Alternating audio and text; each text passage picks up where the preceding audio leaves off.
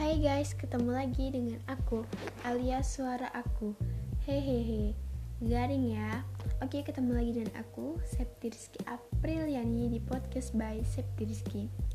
Semoga kalian yang ngedengerin di mana pun berada selalu sehat dan juga pastinya selalu bahagia. Baiklah, di episode kali ini aku bakal sharing ke kalian semua tentang friendzone. Kalau kata anak zaman sekarang, mendung belum tentu hujan, dekat belum tentu jadian. Iya, iya, iya. Jadi gini, kalian pernah gak sih ngerasain yang namanya jatuh cinta sama seseorang? Pastinya udah pernah ya, karena gue tuh yakin setiap orang pasti pernah ngerasain yang namanya jatuh cinta. Kadang ketika jatuh cinta, pasti kita tuh selalu ngehalu. Iya, ngehalu selalu bayangi hal yang indah sama si dia. Tapi pada kenyataannya ekspektasi gak sesuai kenyataan. Kenapa gue bisa bilang gitu? Karena gue tuh pernah ngerasain hal tersebut. Kok gue malah curcol sih? Tapi nggak apa-apa. Namanya juga lagi sharing ya. Ketika kita jatuh cinta kita pasti selalu berangan-angan. Kalau orang yang kita suka tuh suka balik sama kita. Tapi jatuh cinta tuh nggak semulus yang kita bayangi. Karena pasti setiap cinta ada hal yang harus dilewati entah dilewati bersama ataupun sendirian. Ngomong-ngomong soal friendzone guys, gak semua manusia tuh ngalamin namanya friendzone. Ada yang ngalamin, ada juga yang enggak. Kalau gue sendiri sih pernah ngalamin yang namanya friendzone. Jadi gue pernah suka sama seseorang alias sahabat gue sendiri.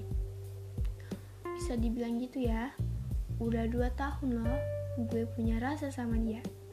Dan yang harus kalian tahu, dia tuh memperlakuin gue seakan-akan gue tuh orang yang dia suka. Pastinya setiap cewek tuh bakal baper dong diperlakuin manis baik seakan-akan cewek tuh alias gue gitu ya cewek yang selalu deket sama dia ataupun lo yang diperlakuin kayak gitu sama dia. Tapi tuh kenyataannya tuh salah. Pernah waktu itu gue nanya sama dia sebenarnya lo tuh anggap gue apa sih dan dia jawab. Gue anggap lo cuma teman Kese seketika dengar jawaban dia tuh rasanya tuh gimana ya kecewa gitu. Dan pastinya hati gue hancur. Jadi selama 2 tahun dia anggap gue cuma teman. Tapi mau gimana lagi? Gue nggak boleh egois karena nggak semua soal cinta berjalan dengan mulus karena juga hati itu nggak bisa dipaksa ya udah sih gue pasrah.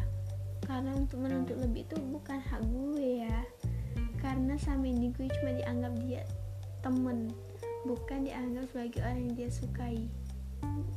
Hmm, oke okay deh sampai sini dulu ya sharing gue soal friendzone. Nanti gue bakal sharing lagi soal friendzone ke kalian pada episode-episode selanjutnya. Gue harap kalian ngedengerin sharing gue kali ini kalian bakal suka ya. Gue ucapin makasih banyak loh buat kalian yang udah mau dengerin sharing dari gue. Untuk kalian semua tetap semangat jalani hari-hari kalian penuh semangat pastinya. Kalau kalian ngelakuin hal yang baik bakal dapet bahasan yang baik juga. Oke bye bye guys. Sampai ketemu di episode selanjutnya